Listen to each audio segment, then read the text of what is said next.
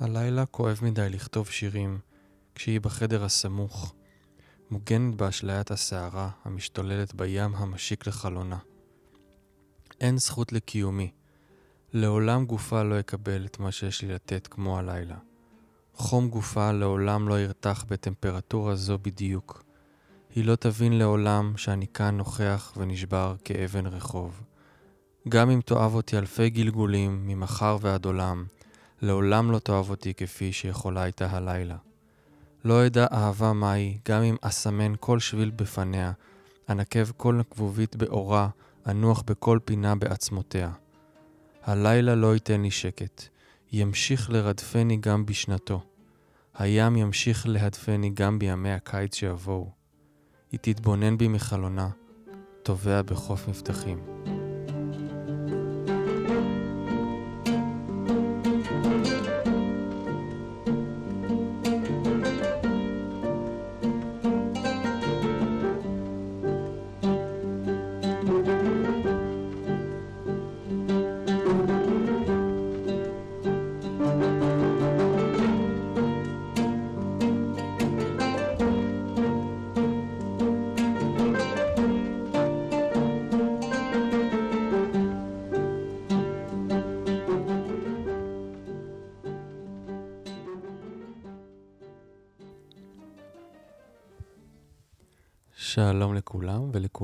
ברוכים הבאים לפרק נוסף של הפודקאסט סינפסות. היום אני מארח פעם נוספת את אמיר גולדברג, אהלן תמיר. היי נדב. הרבה זמן לא עשינו פודקאסט. יותר מדי. לגמרי. והפעם אה, נפגשנו אה, בשביל לחגוג את הוצאת הספר שלי. מזל טוב. תודה רבה. ספר שירה ראשון, ספר ביקורים, שנקרא מנח אנושי. וההשקה שלו ממש בשישי הקרוב. מי שיקשיב לזה השבוע, אני אשתדל להוציא את הפודקאסט כמה שיותר מהר. עוד יכול לזכות לבוא, זה יקרה בעין הוד. כל הפרטים בפייסבוק וכולי. אבל בתכל'ס זו הזדמנות בשבילי אה, קצת להביא את עצמי אה, לפודקאסט, ודרכך כמובן. ולדבר על uh, לאחד בין כמה כובעים שלי שמבחינתי הם לגמרי מאוחדים והם, uh, יש להם איזו הוויה אחת. אז יש את הכובע של הפואטיקה, של השירה, שבאמת uh, הרבה שנים כתבתי למגירה, ואף אחד, אנשים קרובים אליי לא ידעו אפילו שאני כותב. והנה הספר יצא וזה מתחיל לצאת לאור, והמשורר שבי מתחיל ככה למצוא את מקומו. והכובע השני זה כובע של הטארות, שזה ככה כלי שאני עוסק בו הרבה מאוד שנים, כלי שמכיל בתוכו הרבה דברים שאספתי לאורך השנים, אז כל מה שקשור לייעוץ דרך קלפי הטהרות. והכובע השלישי, שהוא לא שייך לי באופן אישי, אבל אני נעזר בו והוא ככה עובר דרכי, זה הפסיכומגיה של חודורובסקי. אז גם uh, נתחיל, נכון, להגיד שיש לנו פרק כבר, mm-hmm. שדיברנו על פסיכומגיה, והקדשנו לו פרק שלם לחודורובסקי וכולי, ו... מאוד ממליץ ככה להקשיב אה, בתום הפרק הזה, או לעשות פאוזה, ללכת להוא ולחזור לזה, מה שתרצו. אה, עדיין הם יעמדו בפני עצמם, אבל הם יהיו מאוד מאוד קשורים, אני מתאר לעצמי. כן. ואנחנו סוג של ממשיכים את, ה, את ה, מה שהתחלנו, ואנחנו הולכים לצלול ככה לעולמות האלה ולראות איך הם קשורים אחד בשני. וקצת לקרוא שירים מהספר. כן. ולהזמין אתכם בעיקר להיכנס לתדר הזה שנקרא פואטיקה. כן. אז... אה, אז אה, תמיר, וולקאם. אני, גם קודם כל, אני, אני מאלה שלא, כן ידעתי שאתה כותב, אבל עוד לא, עד לספר לא באמת נחשפתי ל, כן. לדבר הזה שאתה כותב. יש משהו זה... בספר שמאוד מנכיח עשייה, אני חושב שזה, כל יוצר יכול להזדהות איתי, כל אומן, אה, שאתה מוציא סרט לצורך העניין, או ספר, או משהו מוחשי. אנחנו נראה לי הולכים לדבר קצת על קשר, איך בין הרוח לחומר, שזה mm. בעצם, אה, אני חושב, אם אני ככה שם עליי תווית של חוקר, אה, שזה אולי התווית הכי ראשונה שאני יכול לשים על עצמי, mm. מי שחוקר כל הזמן את עצמו ואת הסביבה ואת אחרים ואת הנפש, אז כן, אז אין ספק ש... שזה יהיה שם, בפרונט. כן.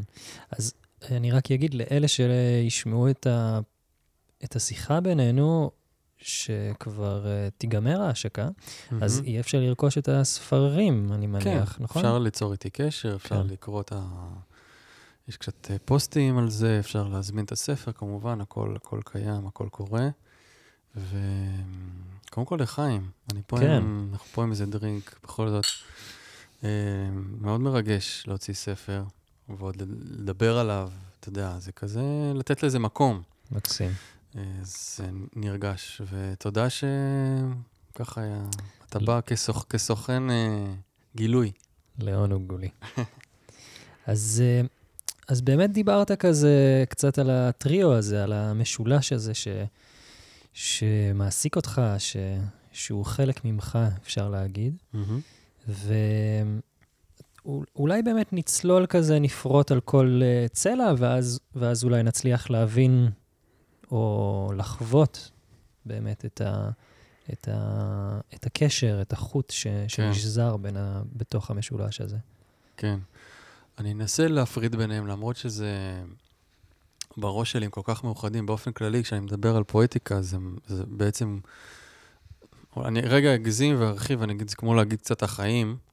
אה, כי המשורר מסתכל על החיים באופן פואטי, ומדי פעם יש לו את הזכות או את המזל לגזור את, ה, את החלקים הקטנים האלה שהופכים בסוף לשיר, כן? אחר כך זה עובר עריכה ועיבוד ו, ו, ו, וניקוד ו, וכן הלאה וכן הלאה, עד שזה הופך ממש לשיר, לשיר ש, שהוא שלם, שהוא נגיש. אבל אם ניקח את זה רגע אחורה, בעיניי פואטיקה, השלב הבאמת באמת ראשון שלה הוא התבוננות על המציאות.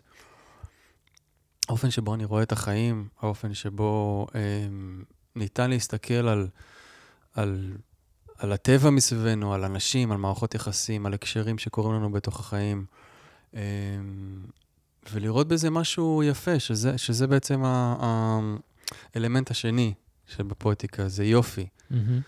אה, להצליח לראות משהו יפה בתמונה הזאת שנגלית בפניי. אמ, יופי זה אלמנט אה, נשגב כזה, אתה יודע, דיברו עליו הרבה בספרות, ביוון העתיקה, באומנות, כי אין השאיפה, החתירה ליופי, אחר כך ניסו לפרק את, ה, את התפיסה הזאת ולהגיד כאילו, יופי זה מלא דברים, זה לא רק אה, מושלם, כן? תפיסת היופי משתנה, אבל כשאתה מס, מתבונן על משהו, אתה אומר, וואו, זה, זה דבר יפה. אז, אז משהו קורה לך בפנים, משהו משתנה. אם אני מבין אותך, זה, זה בעצם היכולת לראות את היופי בתוך איזושהי סצנה מה, לגמרי. מהסרט הרץ, הבלתי נדלה הזה, כן? מהמם. וזה לאו דווקא דברים שהם, שהם ייראו יפים, אלא היכולת לראות את היופי, נכון. כן? זה כזה בעיני המתבונן. לגמרי. והרגע הזה שאתה תופס באמת זה כמו צילום, כן? מהמם. שוב, פואטיקה זה לא רק שיר, זה, זה גם צילום. זה כל, כל אומנות יכולה להביע את עצמו באופן פואטי.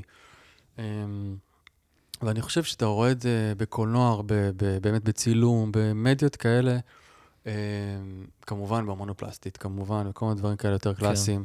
אז אתה, אתה רואה איזשהו אלמנט שהוא הוא מרומז, עולה לי המילה מרומז, שהוא לא חד משמעי.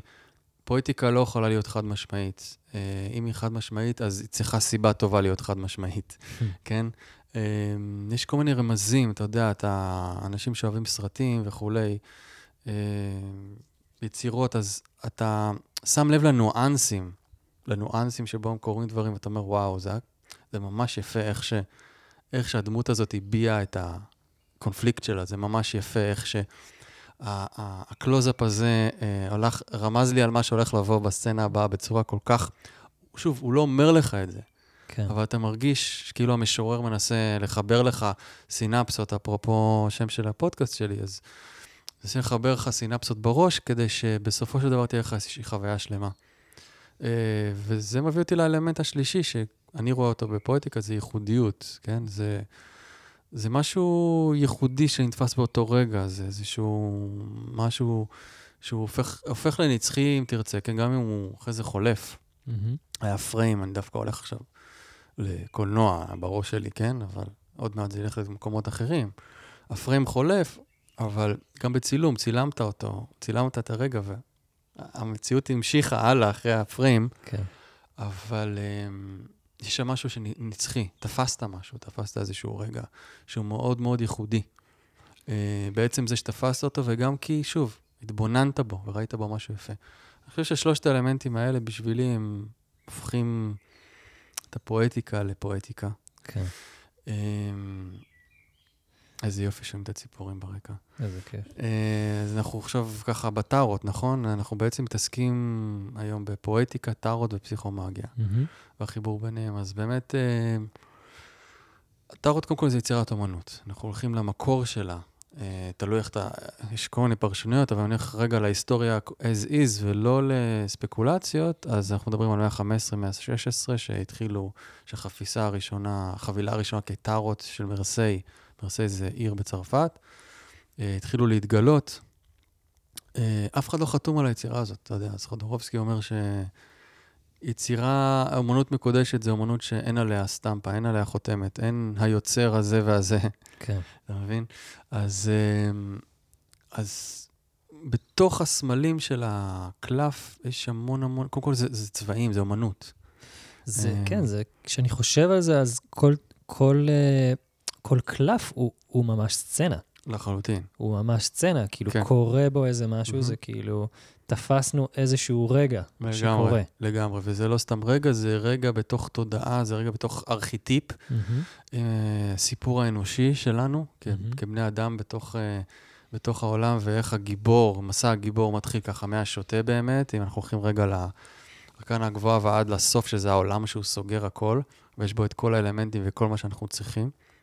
השפע העילאי, ה-realization, כן, אה, ההגשמה העילאית, ההערה. אה, וזה מתחיל באי ידיעה, זה מתחיל בקפיצה כזאת של השוטה. אז הסיפור בפני עצמו, והצבעים, והחיבור בין הסיפורים, אה, יש שם משהו מאוד מאוד אמנותי, ושוב, העין שבו המשורר הסתכל, המשורר, אגב, זה שם כללי עבורי למישהו שעוסק בהתבוננות, מהמם. ולאו דווקא מי שכותב שירים. סביר להניח שכתיבת שירים תבוא לו בטבעיות, אבל לאו דווקא, הוא יכול להיות קולנוען, הוא יכול להיות במאי, הוא יכול להיות שחקן, הוא יכול להיות אה, איש, איש אומנות, איש יצירה, בגדול. אה, יכול להיות אומן גם, לא רק אומן, זאת אומרת מישהו שעוסק בנגרות, כן? אה, כן, אתה מדבר ועולה לי בכלל על הספר של הטאו, שהוא פילוסופיה סינית שהיא כולה שירה. לחלוטין. זה הדוגמה מבחינתי. הלכת לשם, אז אתה יודע, אנחנו, כל, כל השפות, כל השפות הקדושות, ובכלל הע- העיסוק ב... ב...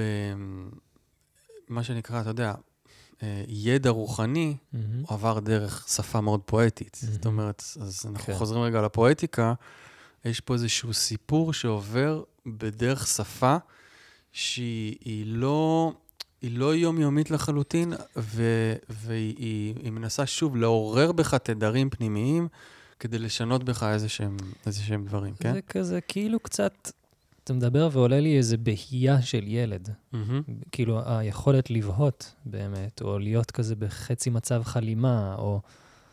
זה, כן. זה, זה כאילו ה- ה- רוח הדברים, או האסנס. לגמרי. אה, אז אם מדברים על הטארות, אז גם פה יש פה איזשהו סיפור ש, שאנחנו מקבלים בו את ה...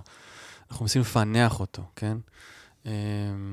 ולחלוטין, מה שאמרת, ההוויה של, של המשורר, שהוא נכנס למרחב של אה, תוכן הקריאה בקלפים, שזה אקט, אקט אומנותי, מהמם. אה, יצירתי. אה, הוא נכנס למרחב של חלימה, כן? Mm. עכשיו אה, אני קופץ רגע לפסיכומגיה, ועכשיו אנחנו נראה איך הכל מתחבר. בעצם ההצהרה הכי גדולה של חודורובסקי ב- בעבודה שלו זה איך אני יכול להביא את החלום לתוך המציאות היומיומית ולעבוד איתו, מהמם. ולא, לצורך העניין, כקונטרה, הפסיכואנליזה ופסיכולוגיה קלאסית שמפרשת את החלום בשפה לוגית. אז חודורובסקי כמשורר, כן? התחיל כמשורר, וואלה. בצ'ילה, בצ'ילה זה מי שמכיר את ריקוד המציאות, ספר האוטוביוגרפיה שלו, הוא מספר איך התחיל דרכו בילדות, ו- ומשורר בצ'ילה באותה תקופה של מלחמת העולם השנייה היה כמו, אני לא יודע, מה, איך אפשר להשוות את זה להיום ל... לסטארט-אפיסט, כאילו, אני נותן דוגמה, מאוד, נחשב. אני בדיוק, אני אתן משהו ל, ל, כאילו, כדי להבהיר את הנחשקות באמת של, ה, של המעמד. כאילו, משורר היה מישהו מכובד מאוד, היו נותנים לו מקום. גם אם הוא היה שתיין וכולי וכל כן, זה. זה כאילו לרוב מצטער עם, ה, עם ההוויה הזאת, עם מישהו שהוא כזה קצת תלוש, מישהו שהוא לגמרי, כזה... אבל שם הוא היה מקבל כאילו מעמד של כבוד. זאת אומרת, משורר זה היה מישהו ששוב, אנחנו תכף נלך קצת ליוון העתיקה ונראה את התפיסה שמה, שמה של המשוררים, אבל זה, זה, קצת, זה קצת לקוח משמה, שהמשורר הוא דמות ש, שהוא מחובר למוזה, אוקיי. וכדמות שמחוברת למוזה הוא, הוא מעביר ידע, הוא מעביר מסרים, יש לו את היכולת הזאת בעצם להתנבא, אפשר לומר. Mm. אמ, וככה התייחסו לזה, ככה התייחסו לזה. אז גם בצ'ילה של ה... אנשים קדושים. אה, אני- במידה מסוימת. במידה מסוימת, אתה יודע, כאילו, אם אתה מסתכל על, הפילוס, על הפילוסופים של יוון, אז בהחלט, אתה יודע, כאילו, מעמד של, כמו הקדושים של uh, תרבויות אחרות. כן. והמשורר כאומן, כי מעביר, מעביר את, ה, את, ה, את הידע או את המסרים ש, שה, שהמוזה מעבירה לו. Uh, אם אתה רוצה, זה זורק אותי לתרבויות uh, uh, כמו ברזיל, כמו אפריקה, שבכלל יש את, המתק, את, ה, את המתקשר שמקבל את האישות על, בתוכו, בתוך הגוף, מהמם. ומעביר את, ה, את הידע. כן. אז אנחנו רואים את התופעה הזאת די, די רחבה, זאת אומרת, אה, המשורר כשמן, אם תרצה, המשורר כמעביר ידע, המשורר כיועץ, נביא. כנביא, בדיוק בתנ"ך, זאת אומרת, כן? הנבואה, הוא תמיד בא באיזה סוג של אה, הש- אה, שפה פואטית, כן? היא אף פעם אה, לא בדיוק בשפה שאתה... אתה צריך קצת רגע כן. לפענח אותה. כן, כאילו, לא לגמרי ברורה. כן. זה, זה ה vibe חלום הזה שאתה מדבר כן, עליו. כן. כאילו עושים את התנועה הזאת מהחלום לתוך המציאות, במידה מסוימת. לחלוטין. ו... וכן, זה הפסיכומגיה בעצם של חודורובסקי, הוא בעצם, שוב, מהשירה, דרך uh, בימוי סרטים, בימוי תיאטרון וכן הלאה, uh, פיתח שיטה שמאוד מושפעת משמניזם, אגב, מהמם. פעילות שמניסטית טקסית, מהמם. רק שהוא אמר, "או, אני רוצה לעשות דברים באופן שהוא, שמתחברים גם לנפש, לפסיכותרפיה וכולי. אני רוצה שהאדם שעושה את הטקס יבין למה הוא עושה את הטקס. אני הולך ללמד אותו איך להשתמש בסמלים האלה, ש... ארכ... מה שנקרא ארכיטיפים, לצורך העניין. כן. אה, להשתמש בשביל לרפא משהו בתוך עצמו, בשביל לשחרר איזשהו כאב, איזשהו יצר לא ממומש, איזשהו אה, אבל וכן כן. הלאה, ולשחרר את עצמו מהדבר הזה. בעצם, בעצם הוא עושה אקט פואטי בתוך המציאות בשביל to let go, כאילו, בשביל לעשות איזשהו שחרור. כן, אז זה, זה ממש החיבור הזה בעצם, כן? בין המשורר השתיין ההזוי, הבוהה, החולמני, לבין הפסיכומגיה, כן? הפועל, מהמם. העשייה, החומר, או, או באמת הרצון הזה לרפא. כן, אנחנו מסתכלים על המילה פואזיס, אגב, ביוונית. הפואטיקה באה מילה- מהמילה פואזיס, אז בעצם זה מונח אה, בפילוסופיה, שהמשמעות שלו זה עשייה לשם השגת תכלית מסוימת. וואו, אז אנחנו ממש מבינים ש, שהמקור של המילה זה פעולה בכלל. ומסתכלים על שירה, לשורר, זה גם סוג של פעולה, כן? ו, וזה מאוד מאוד מתחבר לפסיכומגיה, שבה הפענוח הופך לממש פעולה הלכה למעשה. עכשיו אתה תיקח, את- כן, 12 תפוזים שמייצגים את אה, 12 ה...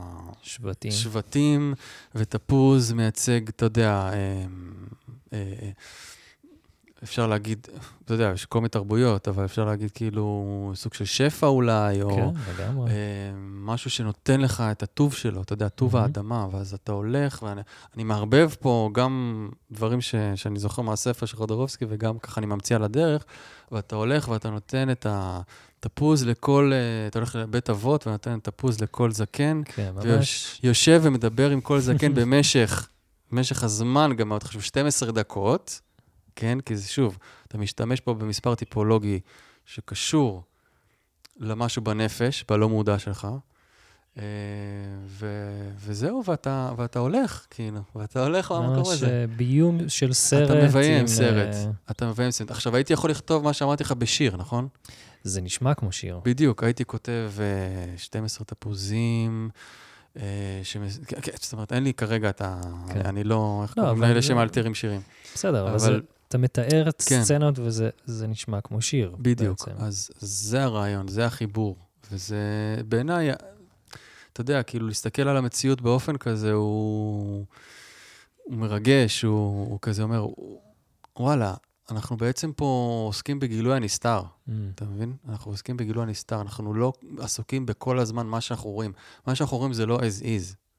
יש תמיד משהו נסתר מאחורי זה. כן, אה, כן. כן. אז, אז אולי, אולי אה, באמת נקרא, נקרא איזה שיר שקשור ל, לנסתר, ללא מודע, ל... יאללה, נכון? יש כן. לך... כן, כן. אוקיי. אז אה, אני מחפש אותו. בעצם, אה, גם בספר, העיסוק, אה, העיסוק בפעולה עצמה של השיר, מה שאפשר לקרוא לו אולי ארס פואטיקה בשפה המקצועית. אה, אולי אתה תחפש את זה בינתיים. אמ, העיסוק בפו, ב, במרחב עצמו של, ה, של השירה מאוד מאוד מעסיק אותי, מאוד, אה, אמ, מאוד תפס אותי. ואפשר בתוך, בתוך הספר ל- לראות הרבה שירים שעוסקים בכתיבת שירה עצמה. וואלה. כן.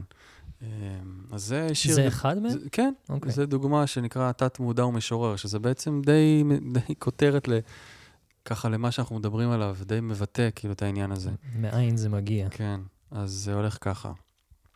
ממיס את הטון, מחתים את הקצב במשקל, מחפש קהל לשיר שלא ייכתב, בחלל שיצהירו עליו כלא שייך לאף אדם. אז יש לזה מעין הד כזה. כן. אה, בעצם, אתה מבין, יש פה איזה עיסוק אה, בתוך המוזיקה של הדברים. כאילו, יש פה גם מילים מעולם המוזיקה, שזה טון וקצב ומשקל, וגם בתוך העולם השירה יש את העניין הזה של משקל וקצב, וגם מדברים, זאת אומרת, המוזיקה וה, וה, והפואטיקה, שוב, הם, הם, הם אחד. כן. אה, אז זה ההתעסקות בזה, במקום הזה שהוא, של ה... שהלא מודע מאפשר לעצמו להתבטא באופן של שיר. אז שוב, זה, זה חלל ש, שלא שייך לאף אחד, אף אחד לא יצהיר על זה, זה שלי. קצת כמו מה שאמרתי על, על הטארות, זה לא שייך לאף אף אחד, לפחות לא הטארות המקוריים, החפיסה המקורית. אה, יש פה משהו שהוא הוא סוג של ריקות, אתה יודע, אה, אבל בתוך הריקות יש הרבה, קורים הרבה דברים, כן. יש הרבה תנועה. מעניין. אז בוא, אם כבר uh, פתחנו את הספר, אז אולי באמת תספר קצת על uh, תהליך הכתיבה שלו, uh, מת- מתי הוא נכתב, כן. ומשהו משם. אה, אז קודם כל, הספר באמת הוא... ת- תכלס, הוא היה כבר גמור, ערוך, וברמה של עיצוב, עטיפה, הכל הכל היה מוכן כבר לפני חמש-שש שנים. זה מה שקרה בפועל. אה, אבל אה, זה מאוד מאוד יקר להוציא ספר, חשוב להגיד את זה. וחיכיתי לטיימינג הנכון, ואז אה, כשהתחלתי כבר להחליט להשקיע בזה, אז עזבתי את הארץ לשנתיים, גרתי בתאילנד, אז לא היה ממש, זאת אומרת, לא היה סיבה ממש להמשיך את הדבר הזה. ולאחרונה, ככה, בשנה האחרונה, שוב התחלתי כזה לברר וככה איך אני יכול לקבל, אה, אני אקצר את הסיפור, קיבלתי תמיכה לספר, וזה אפשר לי בעצם להוציא אותו. זה היה רגע מאוד מאוד משמח. Um, לגבי, רצית לשאול משהו? כן, זה, קודם כל, יש את. איך שיר נולד, אז כן, זה... לגמרי. פה זה היה. לידה, לידה ארוכה, מסע. אה, זה באמת אה, שירים שבאמת גם נכתבו, אני בעצם מתחבר אליהם מחדש, אתה יודע, לשירים שנכתבו אי שם לפני חמש-שש שנים, אז אני בעצם כאילו קצת יולד אותם מחדש עכשיו ב- בעיניים שלי של היום, אז זה תהליך מעניין, ובעצם מביא אותם למי שאני היום ולעיסוק שלי היום, כי אני לא בטוח שזה היה קורה אז, אגב.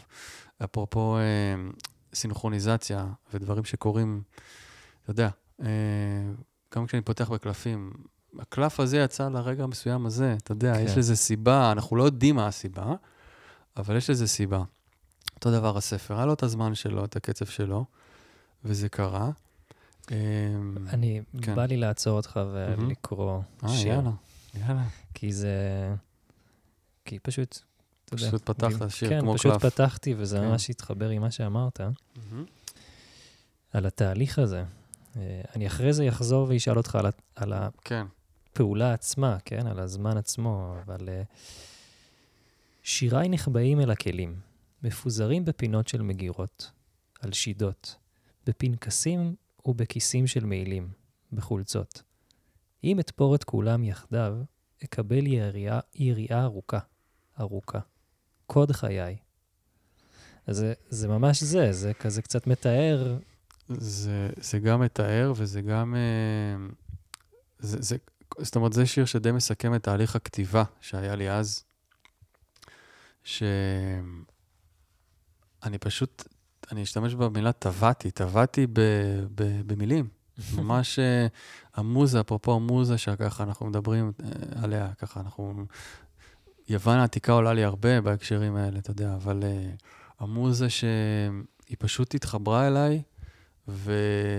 ישבה עליך. ממש. ישבה עליי, וזאת אומרת, ורוב מה שנכתב בספר הזה, כי אני חושב ש-90 אחוז, הוא שירים שנכתבו בתקופה מאוד מאוד מאוד קצרה, וואו, בשטף. יש עוד 10 אחוז, אולי טיפה יותר, של דברים ישנים גם שעברו עיבוד מחדש וכולי. ונכנסו, אבל הרוב המוחלט זה פשוט אה, שטף של שירה, ואני באמת זוכר את החוויה של... אה, לא הצלחתי לסיים מקלחות אפילו, אתה יודע, אני, אני הייתי עוצר, אה, מתנגב רגע, כותב את המילים כשאני לא אשכח, חוזר, אה, תוך כדי ריצה, שירים הייתי צריך להקליט בטלפון. גדול. אה, אתה יודע, תוך כדי עיסוקים אחרים, המילים פשוט אה, שטפו אותי. וזו חוויה, מי שמכיר כאילו את החוויה הזאת של, של ליצור, שיש את הרגע הזה של ההשראה, זה רגע של חסד. ו, וזה מה שאני מחפש, זאת אומרת, זה לא תמיד יכול לבוא, אבל זה תמיד הכמיהה.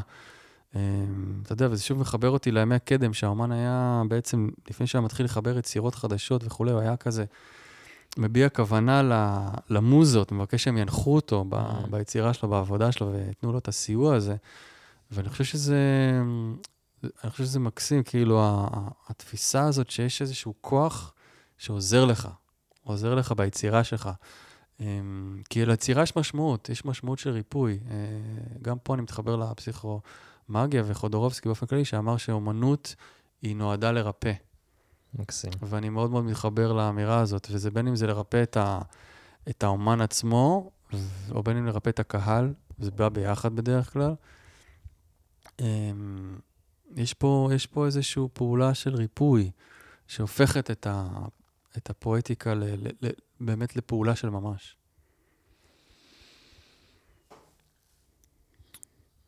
וואו. אז אה, בוא, בוא נשמע עוד, אה, עוד שיר ככה מתוך, ה, מתוך המרחב הזה, מתוך, ה, יאללה. מתוך העולם הזה של המוזות, מה, מהמם. מה מהעולם הזה פה? של הטבע. טבע, אוקיי.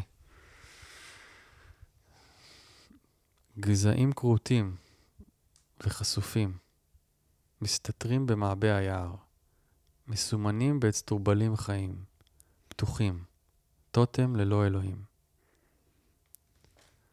רוב השירים בספר, אגב, הם, הם אה, מה שנקרא ננו-פואטיקה, זה שירים מאוד מאוד קטנים. אה, ככה אני, אני לרוב פועל, אולי זה ישתנה בעתיד, אה, אבל בספר הזה לפחות זה פעימות מאוד מאוד קצרות, שבאות לתת תמונה מאוד מאוד קצרה, חוויה. חוויה. אה, שוב, הרבה עיסוק בתהליך הכתיבה, הרבה עיסוק בטבע, ביערות. זה קצת אה, נבואה שהגשימה את עצמה, כי כשכתבתי את זה, אתה יודע, הייתי במקום אחר בעולם, איפה, אני לא זוכר, הייתי בתל אביב בכלל, בדירה מעופשת, והיום אני גר בבית אורן, אתה יודע שזה ב- בשיא כאילו היער, ובתוך היער ליטרלי אני גר. כן. אה, ואתה יודע, זה קצת... אה, אולי, אתה יודע, שוב, אולי אפשר להגיד על זה, על כתיבה כ- כאולי יוצרת מציאות, אני ארשה לעצמי רגע לזרוק את המשפט הזה, אבל אה, אולי, אולי אני איבדתי משהו שהתת-מודע שלי לא ידע בך, כי כתבתי פה הרבה על יער, אתה יודע. מהמם. אה, על יערות של, של אירופה בכלל גם, ודברים, אה, כאילו, דברים כן. שהם לא מפה גם, אבל זה כאילו, הנ- הנ- הנפש שלי כזה כמהה לי, כאילו רצתה להיות ביער. והיום אני גר ביער, אתה יודע, גדול. אה, שנים אחרי, אז זה גם נחמד להסתכל על זה ככה. גדול. רציתי, יצא לי לקרוא כמה וכמה פעמים את הספר, או Mm-hmm. בכלל, לפעמים אני כזה פותח אותו כמו קלף, בעצם אה, היותי מכיר אותך וכזה מחבר בין הדברים. אבל אה, רציתי באמת אה, שתביא כמה שירים שהם מחברים את ההוויה הזאת, כן? בין, בין הפעולה של הריפוי, בין הפסיכומגיה לבין, ה, לבין הסצנות האלה ש, שאתה מתאר, שמגיעות ככה עם המוזה, שמגיעות מעולם החלום. כן. אמ, אז אפשר לדבר, אתה יודע, על השיר הזה גם של הנ- שירי נחבאים אל הכלים. אמ, אם אתה, אם אתה רוצה לקחת את זה לאקט פסיכומגי, אתה יכול לקחת שיר הרי ולעשות איתו ממש פעולה בתוך החיים. אתה יכול ממש לקחת אה, אה, הרבה פתקים שלך, שאתה כותב בהם שירים, או דברים אה, ככה טובים ומעצימים על עצמך, ובאמת לתפור אותם אחד לתוך השני.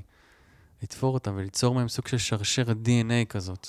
כדי לחבר את ה... כדי לחבר משהו בתוך עצמך, אתה יודע, ואז אתה יכול uh, לשים את השרשרת הזאת, אולי לכרוך אותה סביב המותן ל-X זמן, אתה יודע. אני באמת זורק פה מה, מהמותן, כן. uh, אבל עצם הרעיון הזה של, של הפסיכומגיה, לקחת את האווירה הזאת, מהמם. שהיא אווירת חלום, ולשחק איתה בתוך החיים. עכשיו, זה צריך להיות מאוד, צריך להיות מאחורי איזה סיבה, כן? זה לא יכול להיות כזה, איזו סיבה ש, ש, כן. שקושרת את ה... את. הקונפליקט שלך לסמלים ולצבעים כן.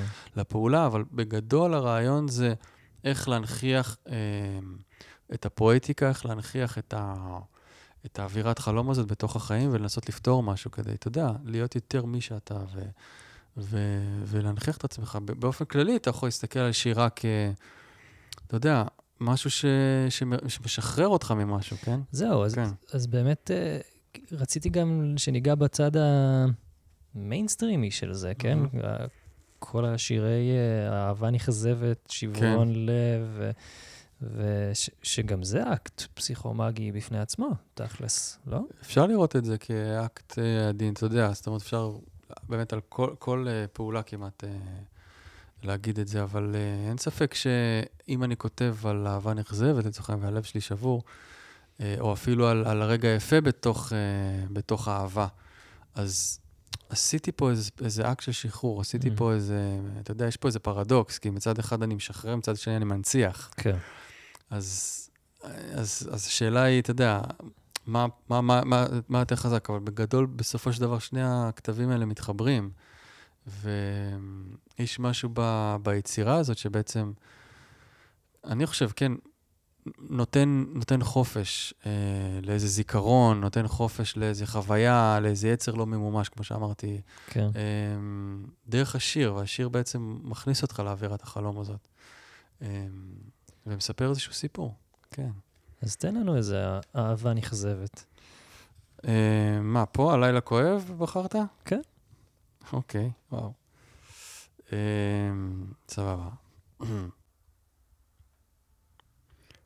הלילה כואב מדי לכתוב שירים כשהיא בחדר הסמוך, מוגנת באשליית הסערה המשתוללת בים המשיק לחלונה. אין זכות לקיומי. לעולם גופה לא אקבל את מה שיש לי לתת כמו הלילה. חום גופה לעולם לא ירתח בטמפרטורה זו בדיוק. היא לא תבין לעולם שאני כאן נוכח ונשבר כאבן רחוב. גם אם תאהב אותי אלפי גלגולים, ממחר ועד עולם, לעולם לא תאהב אותי כפי שיכולה הייתה הלילה.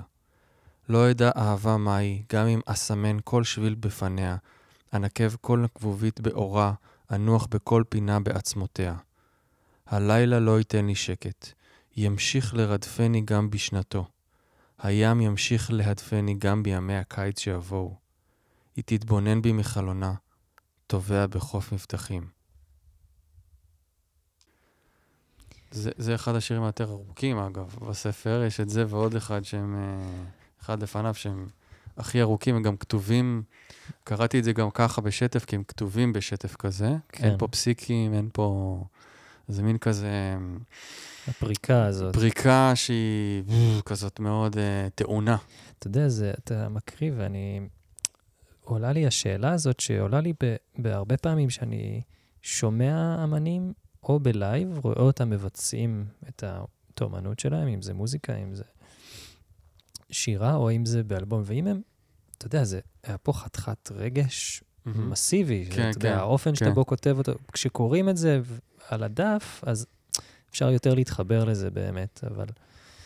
אבל uh, גם ככה שאתה קורא את זה, כן? אין לזה את הפסיקים, זה יותר... מהמם. ואז השאלה שלי היא, כל פעם שאתה קורא את זה, אתה, אתה באמת מתחבר ל, לראשוניות שזה יצא? אמ, תראה, זה נכתב באמת ברגע, השיר הזה ספציפית, באמת ברגע שהייתי בבית של בחורה. אמ, רוני, אש- אשתי לא אוהבת שאני קורא שירים על נשים אחרות, אין נשים אחרות. אבל אין נשים אחרות בעולם. את אהבת, אהבת הנצח שלי, אז אל תדאגי, אני אנחנו רק ככה מדברים של הכיף.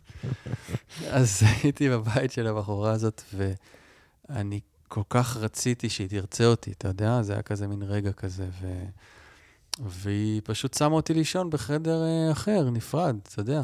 וזה מה שיצא ממני באותו לילה. כן. והבית שלה היה ממש על חופי, על, על הים, ממש. אתה שומע את הגלים מתנפצים לך על... וואו. זה כאילו ממש על הטיילת, כן? אמ, וזה מה שעלה, אתה יודע, זה באמת הדרמטיות הזאת, כאילו, זה להקצין איזשהו משהו דרמטי ו, ולתת לו מקום. אז יש את האהבה הנכזבת, ויש גם אה, אהבות אה, מתוקות, ואהבות שהן, אתה יודע, שהן הם, מביעות איזשהו רגע של, אה, של, של יופי, של שמחה. אה, כן. וואי, את השיר הזה אני ממש אוהב. הרבה אנשים מאוד אוהבים את זה, כן, הוא, יש בו משהו חמוד, אה, אני אקריא אותו. את ואני, שתי לחמניות שנאפות בתנור הלילה, מצמידים פנים בהנאה, מחפשים תנוחה עוברית, בה נעמיד פני ישנים, אל מול הלב הפועם בחוזקה, ונמאס בין כפלי האור שאפשר עדיין ללוש. אה, גם חוויה מהחיים שהפכה לשיר, אתה יודע, זה כאילו רגע כזה שאתה אומר, וואו, רגע של התקרבלות, שאתה אומר אמ, שלא ייגמר, מה שנקרא. אז אתה יודע, אז במקום שאני אגיד שלא ייגמר, נכון? אז, אז אני אמצא איזושהי דרך יצירתית להגיד את זה. כן. אמ, זה, זה מה שיצא. אז כן, יש את המתיקות שבאהבה, יש את האהבה הנכזבת, ו... וכן, יש פה את, ה, את, ה, את, הפ, את הפעולה הזאת, ה- את האקט של לכתוב את זה, שבאמת, אמ, שוב, משחרר אותך ומנציח את הרגע בו זמנית, ואני חושב שזה... יש בזה הרבה, הרבה מן הריפוי. בכלל בכתיבה, אתה יודע, אנשים אמ, מאוד אוהבים לכתוב אה, כתיבה יומנית, או הרבה בכל מיני סדנאות אה, כאלה של יצירת מציאות וכזה, ממליצים לכתוב אה, יש הרבה, הכלי הזה הוא, הוא- ממש. יש לו הרבה פנים. הרבה פנים, וכאילו לכתוב את מה שאתה רוצה, או לכתוב את, ה, את כל הדרמות בחיים שלך על דף. אה, יש, יש הרבה, יש הרבה ריפוי באקט הזה של כתיבה, כתיבה אוטומטית, אגב, אינטואיטיבית. יש הרבה ז'אנרים של אה, שימוש בכתיבה. ו... ושירה זה פשוט, אה, שוב, לקחת את זה באמת למקום שהוא... אה, אתה, אתה יודע שזה, שאתה אתה, אתה לא יכול להצהיר על המובן מאליו, ואם אתה מצהיר על המובן מאליו, צריך שוב שיהיה בו את ההתבוננות, הייחודיות ואת היופי, אה, כדי שתגיד, אוקיי, זה, זה שיר. אחרת זה באמת כתיבה יומנית או כל דבר אחר. כן. אז, אז בוא נחזור באמת ל, לכתיבה שממנה אתה נובע, מה, מה, מהכתיבה שיש לה באמת את, ה, את ההשראה המשולשת הזאת, כן? כן. גם את, ה, את הפואטיקה ואת הרוח היוונית הזאת שהבאת, וגם את, ה, את התמונות האלה, ש, את הסצנות האלה שמתרחשות באופן פואטי בטארות, מהמם. ו- וה... העבודה, הפעולה, ההוויה הזאת שחודורובסקי מביא דרך, ה, דרך האקטים כן. המרפאים האלה, והרדיקלים, יש להגיד. חד משמעי. לא מתאים לכולם. אבל אתה יודע, אפשר לקחת את זה גם לטקסים קטנים בתוך החיים. טקס זה גם משהו מאוד מאוד פואטי. אתה... אנחנו לא חייבים להתייחס לד- לדת בהקשר הזה. באופן כללי, טקס זה משהו מאוד חזק, כן, מאוד פואטי. גם אם אתה משתמש ביסודות כמו אש, כמו מים, שהם, אגב, מופיעים אה, בתורות, אלכימיה, באסטרולוגיה, בטארות, העולמות שאני מגיע מהם, אז אתה, אתה, אתה מחבר דברים אה, באופן שאתה יודע, שהם לא, לא היה קודם, אולי זה כאילו מקום קצת לעשות הבדל בין מיסטיקה למאגיה, מהמם. שמיסטיקה זה באמת ה- ה- השאיפה של המיסטיקן היא להתחבר לנשגב, לאלוהי, לאינסוף. אוקיי. אמ, זה סוג של, אתה יודע, זה סוג של הוויה אמ, בתוך החיים, אה, וכשהמיסטיקה הופכת למשהו יישומי, שרוצה לשנות משהו בתוך החיים, בתוך המציאות, זה כבר מגיה, כן? מגיה היא באה לשנות משהו בתוך, ה, בתוך החיים. זה לא, זה לא עבודת הבריאה או הבורא לשם עצמה, כן. אלא יש כבר איזשהו רצון פה לשנות משהו. ואני חושב שאתה יודע, והפואטיקה הולכת כזה בין לבין, כי אני חושב שהמשורר הוא מיסטיקן בהוויה שלו, כי הוא מתבונן על העולם ככה, אבל הוא לא נשאר שם, הוא כותב את זה. כן. הוא לא, הוא לא רק נשאר בתוך הראש שלו, בתפילה שלו, במדיטציה שלו, אלא הוא עושה פעולה של לכתוב שיר. כן. ואם אתה קורא אותו, אז אתה כבר גם מושפע מהתדר הזה, ואולי משהו ישתנה אצלך. כן. אז מבחינתי שיר בפני עצמו יכול להיות כבר, אמ, ש... יכול לשנות איזשהו תדר או מציאות, וליצור אצלך שינוי, ובטח ובטח אה, קלף, אתה יודע, אתה מוציא קלף. שזה לא רק הקלף, זה הפרשנות של הקלף, זה הפענוח, כן. שזה, שוב, המשורר. אם הוא מפענח לך את, הקל... את הקלף, והוא מכיר את הסמלים, והוא מכיר את נפש האדם ואיך היא עובדת, כי הוא חוקר אותה, אז הוא יכול, אה, שוב, לחבר לך את החלקים בתוך עצמך באופן שתגיד, וואלה, אני, אני מרגיש עכשיו יותר שלם, וואלה, אני מבין את המציאות שלי באופן אה, אה, הוליסטי יותר. אה, פה הפרקטיקה, אתה יודע, זה פעולה בסוף, זה פרקטי, זה כאילו, כן. זה להתנהג אחרת ביחסים שלך, זה, זה לתפוס אה, כסף בצורה אחרת, זה להבין למה אתה, אתה אה, כועס על מישהו, כי זה הכל דברים נסתרים בתוך הנפש, שהם פשוט לא מבוררים. אז א- אני אקח את זה טיפה אחורה, אוקיי. או טיפה יותר אה, פנימה, אני לא יודע איך להתייחס לזה מבחינת כיוונים, אבל הזכרת מקודם את הפסיכומגיה, וגם בפרק הקו- הקודם שדיברנו על פסיכומגיה, דיברנו הרבה על, אה, על עבודה של עץ המשפ... בעץ נכון, המשפחה עצמה, נכון. ועל הפעולת ריפוי עצמה השורשית, שמאפשרת באמת לענפים אחרי זה מהמם. אה, לשגשג וללבלב, נכון, ולהביא נכון. תפוזים זה- אה, כן, יותר. מתריסר תפוזים. בדיוק, אז אה, כן, זה ממש היס- היסוד, היסוד שממנו חודרובסקי התחיל. זאת אומרת, מהפתיחה מהקלפים, הוא התחיל להבין שכל הקונפליקטים של האנשים שהוא פתח להם בקלפים, נובעים בעץ המשפחה שלהם, ובעצם הוא ראה את ההשלכות של הקונפליקטים האלה כמו דיבוק, כמו איזה משהו שנדבק אליהם, כמו ישות זרה. אה, שהם הולכים עם, ה... עם האנרגיה הזו בתוך החיים, לצורך העניין, אה, וויניקוט קרא לזה עצמי כוזב, כאילו עם, עם כל מיני רצונות של אנשים אחרים, של התרבות, של סבא, של סבתא, של אימא. ו- ו- זאת אומרת, האדם הולך בתוך החיים והוא לא מי שהוא, הוא כן. מישהו, ש... משהו אחר, כאילו מישהו אחר יצר אותו. כן. אה, ואז הוא היה נותן את האקט ככה לקינוח, בשביל באמת לשחרר אותו. אז, אז אני מצאתי פה בספר שתי, אה, שתי שירים על אבא שלך, מהמם.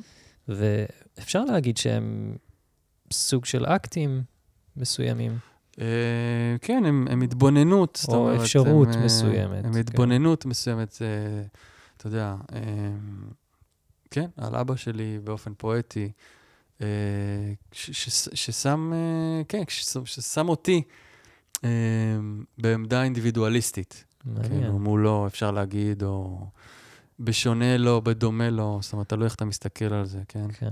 אז אני, אני אקריא אחד, ואז, אה, ואז אולי זה באמת יסביר קצת יותר. כן. אפשר להוציא את האדם מבולגריה, אבל לא את בולגריה מהאדם. אמרתי לאבי שקינח בחתיכת לחם. לפעמים אני אוכל לחם, רק בשביל לאכול לחם, ענה. וכמו בחייו, אכל את הקשה והשאיר את הרך. כן. זה גדול. כן, אז זה... שוב, קיבלתי על זה פידבק אה, מאנשי תרבות בולגריה, אתה יודע, שכל כך הזדהו, הזדהו עם העניין של אכילת לחם וכולי. אה, אני מתאר לעצמי שזה בעוד תרבויות, אבל אה, אצלנו בבית זה כזה, אתה אוכל פסטה, ואבא שלי עדיין בגיל אה, 40 שואל אותי, אתה רוצה חתיכת לחם? כאילו, לא, זה פשוט גדול ממנו, זה פשוט גדול ממנו. אה, וזה אומר הרבה על הבן אדם, אומר הרבה על הבן אדם. אה, אולי על היחסים, זה- אה, על הגבריות שלי. זה אה, מצחיק שלפני הפודקאסט אתה אכלת חתיכת לחם. לגמרי, לגמרי, נכון. יפה מאוד, אתה רואה? הנה, אתה עשית את ההקשר, את ההקשר הפואטי.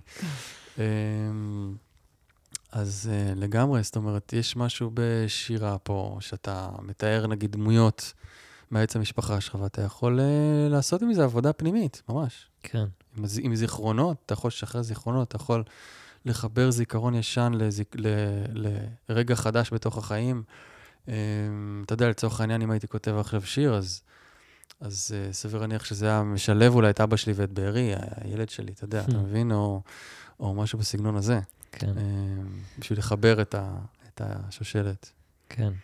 אז, אז אתה באמת מדבר על מחבר, ו, ו, ויש, תקן אותי אם אני טועה, אבל באקט הרפ... המרפא, mm-hmm.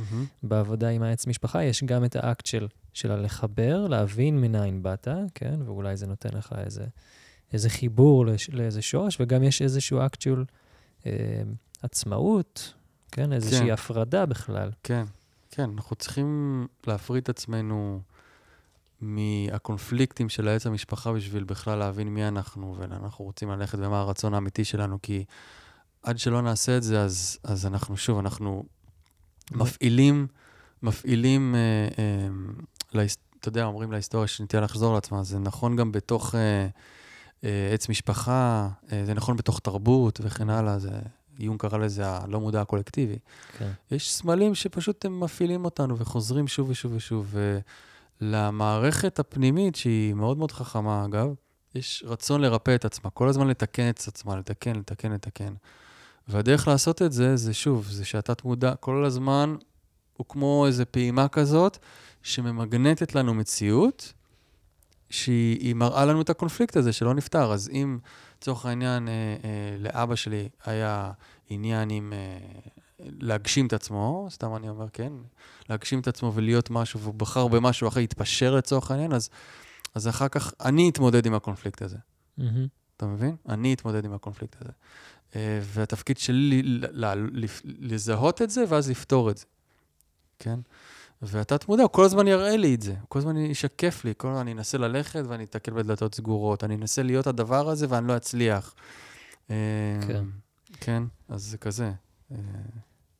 אז, אז בוא, יש פה, יש פה איזה שיר שאולי קצת ממחיש את, ה, את התנועה הזאת, mm-hmm. כן, של, ה, של הנבדלות, הפרדה, עצמאיות. כן, עוד שיר על אבא.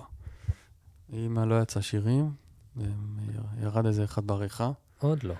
אולי בספר הבא. במוזה הבא. כן. אבי ידוע בזכות לחיצות ידיו הקטלניות, ידי ברזל. עליי תמיד ריחם, חלילה, שלא לשבור לי אצבע, שנועדה לפרוט על מיתרים, לכתוב שירים. אז הנה, הנה, אתה יודע, שיר, שיר בעצם על הגבריות שלי מול הגבריות של אבי, כן? Mm. אה, דור אחר, אה, באתי לעשות משהו אחר. אה, אבי מהנדס מכונות וכן הלאה. כן. זה איש מספרים, איש מתמטיקה, איש כל המדעים. אני משורר, אתה יודע. כן. אז ככה זה, כן. אנחנו עושים... הפואטיקה מאפשרת לנו אה, למצוא ככה את האינדיבידואל שלנו בצורה מאוד מאוד יצירתית. כן. זה מה שהאומן עושה, אני חושב. נפש האומן זה בעצם... לשאול, הוא שואל את עצמו הרבה מי הוא, הוא לאו דווקא יקבל את התשובה לאורך הז, הזמן, אה, אבל הוא גם שואל איך אני יכול להנכיח את המתנה ואת הכישרון שלי אה, בחיים. והשאלה היותר מפותחת זה איך אני יכול גם להשפיע לטובה על אחרים בזכות הכישרון שלי. זה כבר, שוב, הנה, יצאנו מהאומנות להשפעה, כאילו אומנות שמשפיעה, mm-hmm. יצירה שמשפיעה. Mm-hmm. וזה בעצם ה... הלינק הזה. הלינק, הלינק שאני כל הזמן, הזאת. בדיוק, שאנחנו מדברים עליו, ואנחנו מחפשים אותו. אה, כן. מקסים. איזה כיף שאבא שלך ריחם עליך. או ראה אותך. אני יודע היום לא ללחוץ לו את היד פשוט. אז אה, בוא, בוא, בוא נסיים באמת בחיבור הזה בין, ה, בין העולם הזה של הטהרות לבין לבין העולם הזה של השירה. אני, אני יכול להעיד על עצמי שלפעמים אני כזה נמצא באיזושהי שאלה, באיזושהי צומת, ואני פותח את הספר. Mm-hmm. ואתה היום באת עם קלפים. תמיד, תמיד הייתי. כתמיד, כן. פתיחות של אוטו, ארנק וקלפים. כן. ו... אז אולי, אה, אולי נעשה את זה בלייב. אולי תפתח לנו איזה קלף ו... אני אפתח אה, קלף ואתה שיר, וננסה למצוא איזשהו חיבור ביניהם. או. זה ניסוי, כן? כן. אה, אבל כשאתה פותח אה, קלף, לא- אתה בא אליו עם שאלה, או שלפעמים אתה פשוט בא פתוח? אמ, שאלה תמיד תמיד מחדדת את האינטואיציה. באופן כללי ככה אני מרגיש. אה, אבל מכיוון שכרגע אין לנו שאלה ספציפית, הרי אנחנו פותחים, בוא נגיד, קלף שמשקף לנו אולי את השיחה הזאת, או אוקיי. משקף את הרגע, כן? גם את זה אפשר לעשות. והשיר כנ"ל, ואנחנו בעצם מנסים אה, למצוא קשר ביניהם, כן? אנחנו, בוא נראה מה יקרה. נשמע טוב. אז אתה צריך לערבב את הספר, ואני צריך לערבב את הקלפים. אוקיי.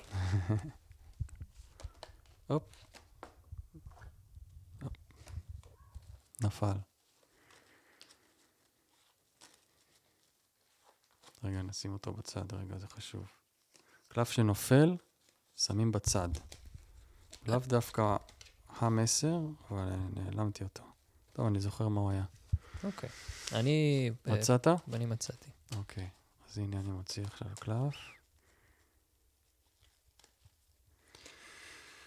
אה, יפה, לא רחוק מהקודם. רציתי לברוח מהקודם, החזירו אותי למקום אחר. אוקיי. נפל לי קודם שלוש חרבות, וואה.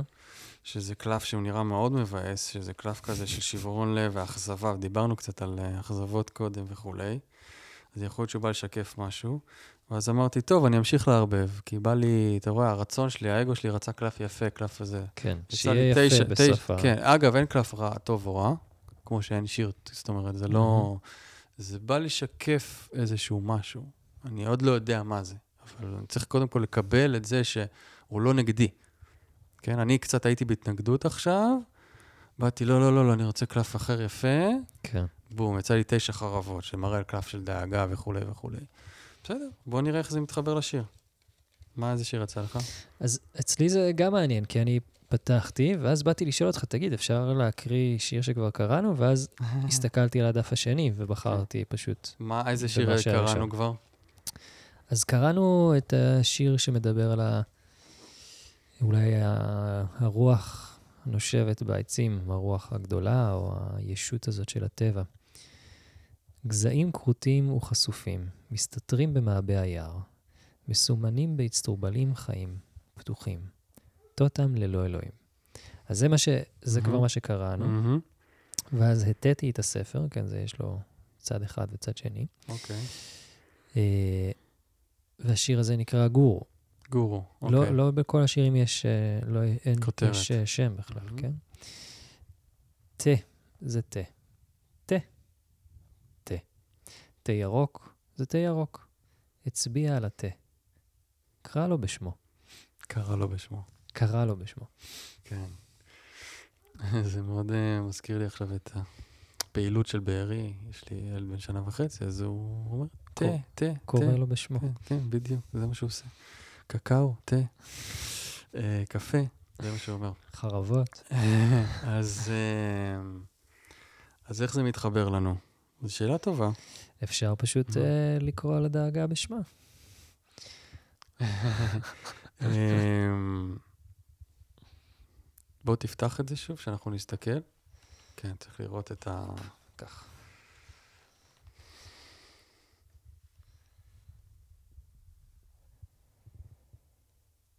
אה, צודק, אמרת לקרוא, לקרוא לזה בשמו. נכון. לא, לא לברוח מהדבר. אז הנה המסר, אה, אולי שעכשיו אני מבין אותו יותר ויותר. אמ, משהו על, אה, על, על רגשות לא נעימים. Mm. יש פה איזה מסר על רגשות לא נעימים.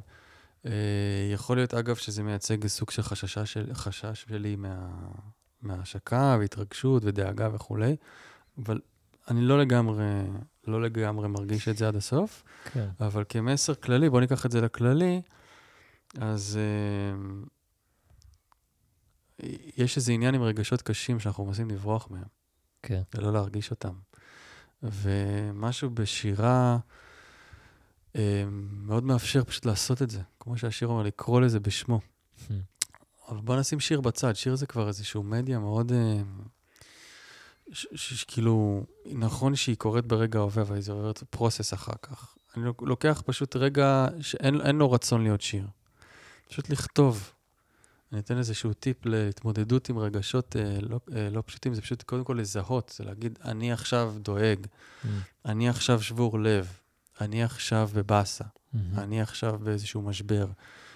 לכתוב את זה על דף, בינך לבין עצמך, בינך לבין עצמך, פשוט לאפשר לדבר הזה, אתה יודע, להגיד לעצמך שזה מה שאתה מרגיש. כן. לא, לא לברוח מזה, כי הבריחה מה, מהרגע היא בעצם גורמת לאיזה סוג של, אה, בוא נגיד, סבל ממושך יותר, כן. ותסכול ממושך יותר וכן הלאה. אני אשתף mm-hmm. שבאמת אה, ישבנו על כזה לדבר, על מה, על כן. מה לדבר בשבוע שעבר, ואז, ואז uh, בסופש היה לי איזה סופש מורכב, mm-hmm. בין השאר. והייתי צריך כזה רגע, רגע להתנתק כדי mm-hmm. להתחבר, וכזה הלכתי וישבתי באיזה מקום, ו... ולא תמיד אני כותב, לפעמים מספיק לי פשוט לשבת עם עצמי ולדבר mm-hmm. עם עצמי, עם מי שמסביבי. וכן החלטתי לכתוב, והיה לי כזה איזה רצון להנכיח איזושהי הבנה שהייתה. ו... ולרגע עצרתי פשוט, וממש היה איזה משהו בהשראה שדיברנו עליה, שפשוט יצא לי שיר. Mm-hmm, כן. כאילו, פשוט הלכתי עם ההוויית חלום הזאת, וההתבוננות, ו, ומשהו כזה ש, שמסכים לגשר את זה באופן, באופן כתיבה שהוא קצת אחר. Mm-hmm. וזה היה, זה היה יפהפה. כן. כמובן שאחרי זה זרקתי את זה, כי אני, אין לי מגירה כרגע, כן. אבל... אה, הרגשת שזה עשה איזשהו שינוי בתוכך, או שחרר אותך ממשהו? כן, זה... אה, אם אני מחבר את זה באמת אה, למה שאנחנו... לאקורד שאנחנו מסיימים, שזה כזה, זה היה כזה, זה מה שיש עכשיו. Mm. כן, אז, היה... אז יכול להיות שהקלפים האלה גם באו להזכיר לנו את הסיפור הזה, כי אני שכחתי מזה, אגב. ומאוד אהבתי את הסיפור הזה כן. שסיפרת לי, אני... ויכול להיות שזה בא להזכיר לי את זה. כן, היה, זה, זה היה ממש יפה בתכלס. באותו רגע לא, זה כאב מאוד, אבל, אבל היה חמסין, והייתה mm. רוח כזאת שהיא, שהיא חמה והיא, והיא, והיא מעוררת תחושה לא נעימה כן. בגוף, כן? כן זה לא כן. כזה, זה... Mm-hmm. למרות שהיה קר וכו', אבל היה שם, היה שם רגש צורם mm-hmm. באוויר, וזה ממש התכתב עם בדיוק מה שהיה. היה בתוכי, והיה שם, קיצור, זה היה ממש כזה, זה הרגע. כן. זה היה משהו בכתיבה הזאת, שהנכיח את הרגע ואפשר לו פשוט להיות, ש... שלגמרי אפשר לו באמת אחרי זה להיות משהו אחר. מקסים. אתה יודע, ואם, יכול להיות שאם היית לוקח את זה עוד הלאה, סתם כדוגמה, היה לך איזשהו עוד הברקה של לקחת את השיר הזה, לעשות איזשהו אקט כן. בתוך החיים, אה, אתה יודע, לשחרר משהו, לעשות משהו, לעשות משהו כזה, אתה יודע, דרמטי אפילו, שיוציא אותך מה, מהרגע. כן. זה כבר כאילו עוד אופציה. אבל אני חושב שבאמת הכתיבה עצמה היא כבר להנכיח את זה, אוקיי, זה מה שאני מרגיש, כאילו, כן? זה יכול להיות פואטי, כמו שאתה הלכת למקום כזה שאפשרת לעצמך, וזה יכול להיות נטו, וואלה, עכשיו באסה, עכשיו צורם, עכשיו משבר, ולא לברוח, לא כן. לא לברוח מרגשות קשים. אמ, מעניין, מסר מפתיע לסיים איתו, אבל אני לגמרי שם, אתה יודע. זה כן. היופי ב...